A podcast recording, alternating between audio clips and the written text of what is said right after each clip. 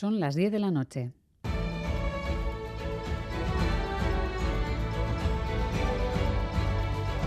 Radio Euskadi y Radio Vitoria.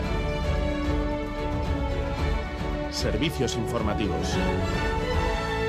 Repasamos los titulares de la jornada con John Fernández Mur, Gabón. Gabón, Miriam, noticias de este martes 16 de mayo en el que comenzamos mirando a Orio. Dos personas, una mujer y un hombre que al parecer sería su expareja, han fallecido esta tarde tras registrarse una deflagración en plena calle en la localidad guipuzcoana de Orio. La principal hipótesis es la de un posible caso de violencia machista. La explosión se registraba sobre las 5 y 20 de la tarde en la calle Arranchale de la localidad guipuzcoana en el exterior de un parque infantil. Todo apunta a que un paquete que portaba uno de los fallecidos ha sido el causante de la explosión. Toda la zona permanece acordonada y ya se han comenzado a registrar también la casa y el coche del hombre. El propio Lendakari ha informado de que se estudia como posible caso de violencia machista. Un trágico suceso que se ha dado esta tarde en el municipio de Orio, con dos personas fallecidas como consecuencia de una explosión, supuestamente por causa de violencia machista.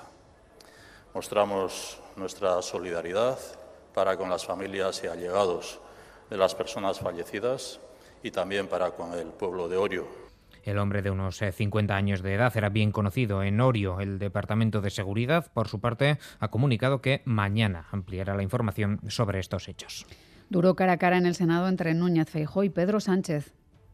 Garantice hoy que su pacto con Bildu se acabó. Cuando en España ETA no es nada, para ustedes ETA es todo. No se puede soplar y sorber al mismo tiempo. O rompe con Bildu o rompe con la decencia. Quien quiera saber hasta dónde es capaz de llegar la falta de escrúpulos del Partido Popular en la utilización del terrorismo, cada vez que se acercan unas elecciones, solo tienen que recordar los días 11, 12 y 13 de marzo del año 2004 el Partido Popular, que mantiene su presión sobre el presidente del gobierno, a pesar de que finalmente no vaya a haber concejales de Euskal Herria Bildu condenados por asesinatos de ETA. Los siete expresos en esta situación se han comprometido a no tomar posesión del cargo si son elegidos, dicen, para contribuir así a la convivencia. El gobierno vasco ha aprobado hoy la Ley de Transición Energética y Cambio Climático. El objetivo de este nuevo texto es lograr la neutralidad climática antes del año 2050. El Ejecutivo aplicará una fiscalidad ambiental para beneficiar así a quien menos contamine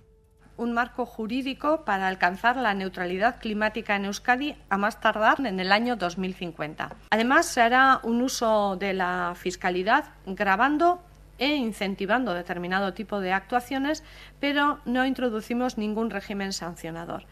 La ley, como decía Arancha Tapia, no contempla sanciones. Así terminamos. Más noticias en una hora y en todo momento en itv.eus y en la aplicación ITV Albisteac. Les dejamos ahora con el debate electoral entre los candidatos a las Juntas Generales de Álava. Geroarte.